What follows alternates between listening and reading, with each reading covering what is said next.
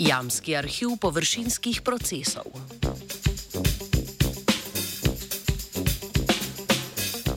Znanstveniki in znanstvenice so v članku revije Geology opisali sestavo holocenskih kapnikov v izraelski jami Sorek. V Sigi so prepoznali kovinske feromagnetne minerale, ki jih je voda sprala v jamo ter inkapsulirala v kalcitne lamine kapnika. Analizirali so holocensko paleokolje in ugotovili, da s pomočjo magnetnih delcev lahko natančneje določijo razvoj tal glede na takratno podnebje.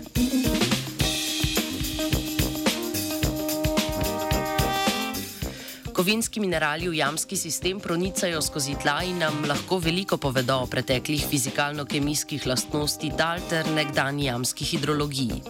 Trenutno je za rekonstrukcijo paleokolja iz kapnikov ena najbolj uveljavljenih metod merjenje stabilnega izotopa C13.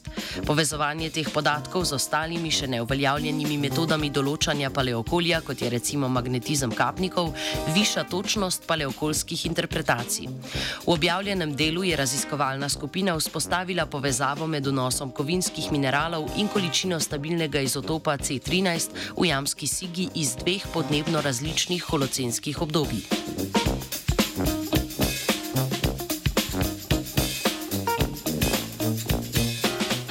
Vzorce sige so narezali na milimetrske rezine in jih izpostavili magnetnemu polju. To je poravnalo magnetne momente v sigi in olajšalo detekcijo nizkih koncentracij feromagnetnih delcev v kapniku.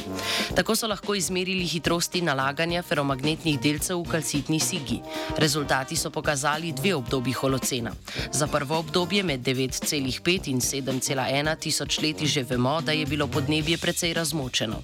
Magnetnih delcev, ki so se takrat spirali v jamstvu, jamsko okolje pa zelo malo.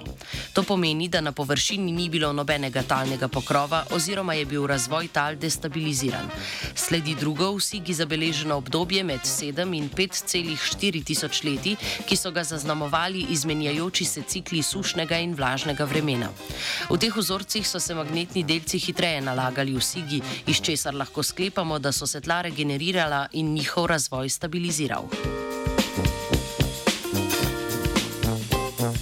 Tem so pokazali, da se v Sigah skriva bogat arhiv podatkov, ki nam lahko marsikaj pove o preteklih procesih razvoja tal na regionalnem nivoju.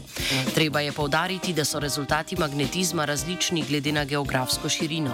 Vsekakor pa je znanstvena skupina odprla novo poglavje o raziskovanju paleokolja, ki je izjemnega pomena tudi za raziskave prihodnjega spreminjanja Zemlje.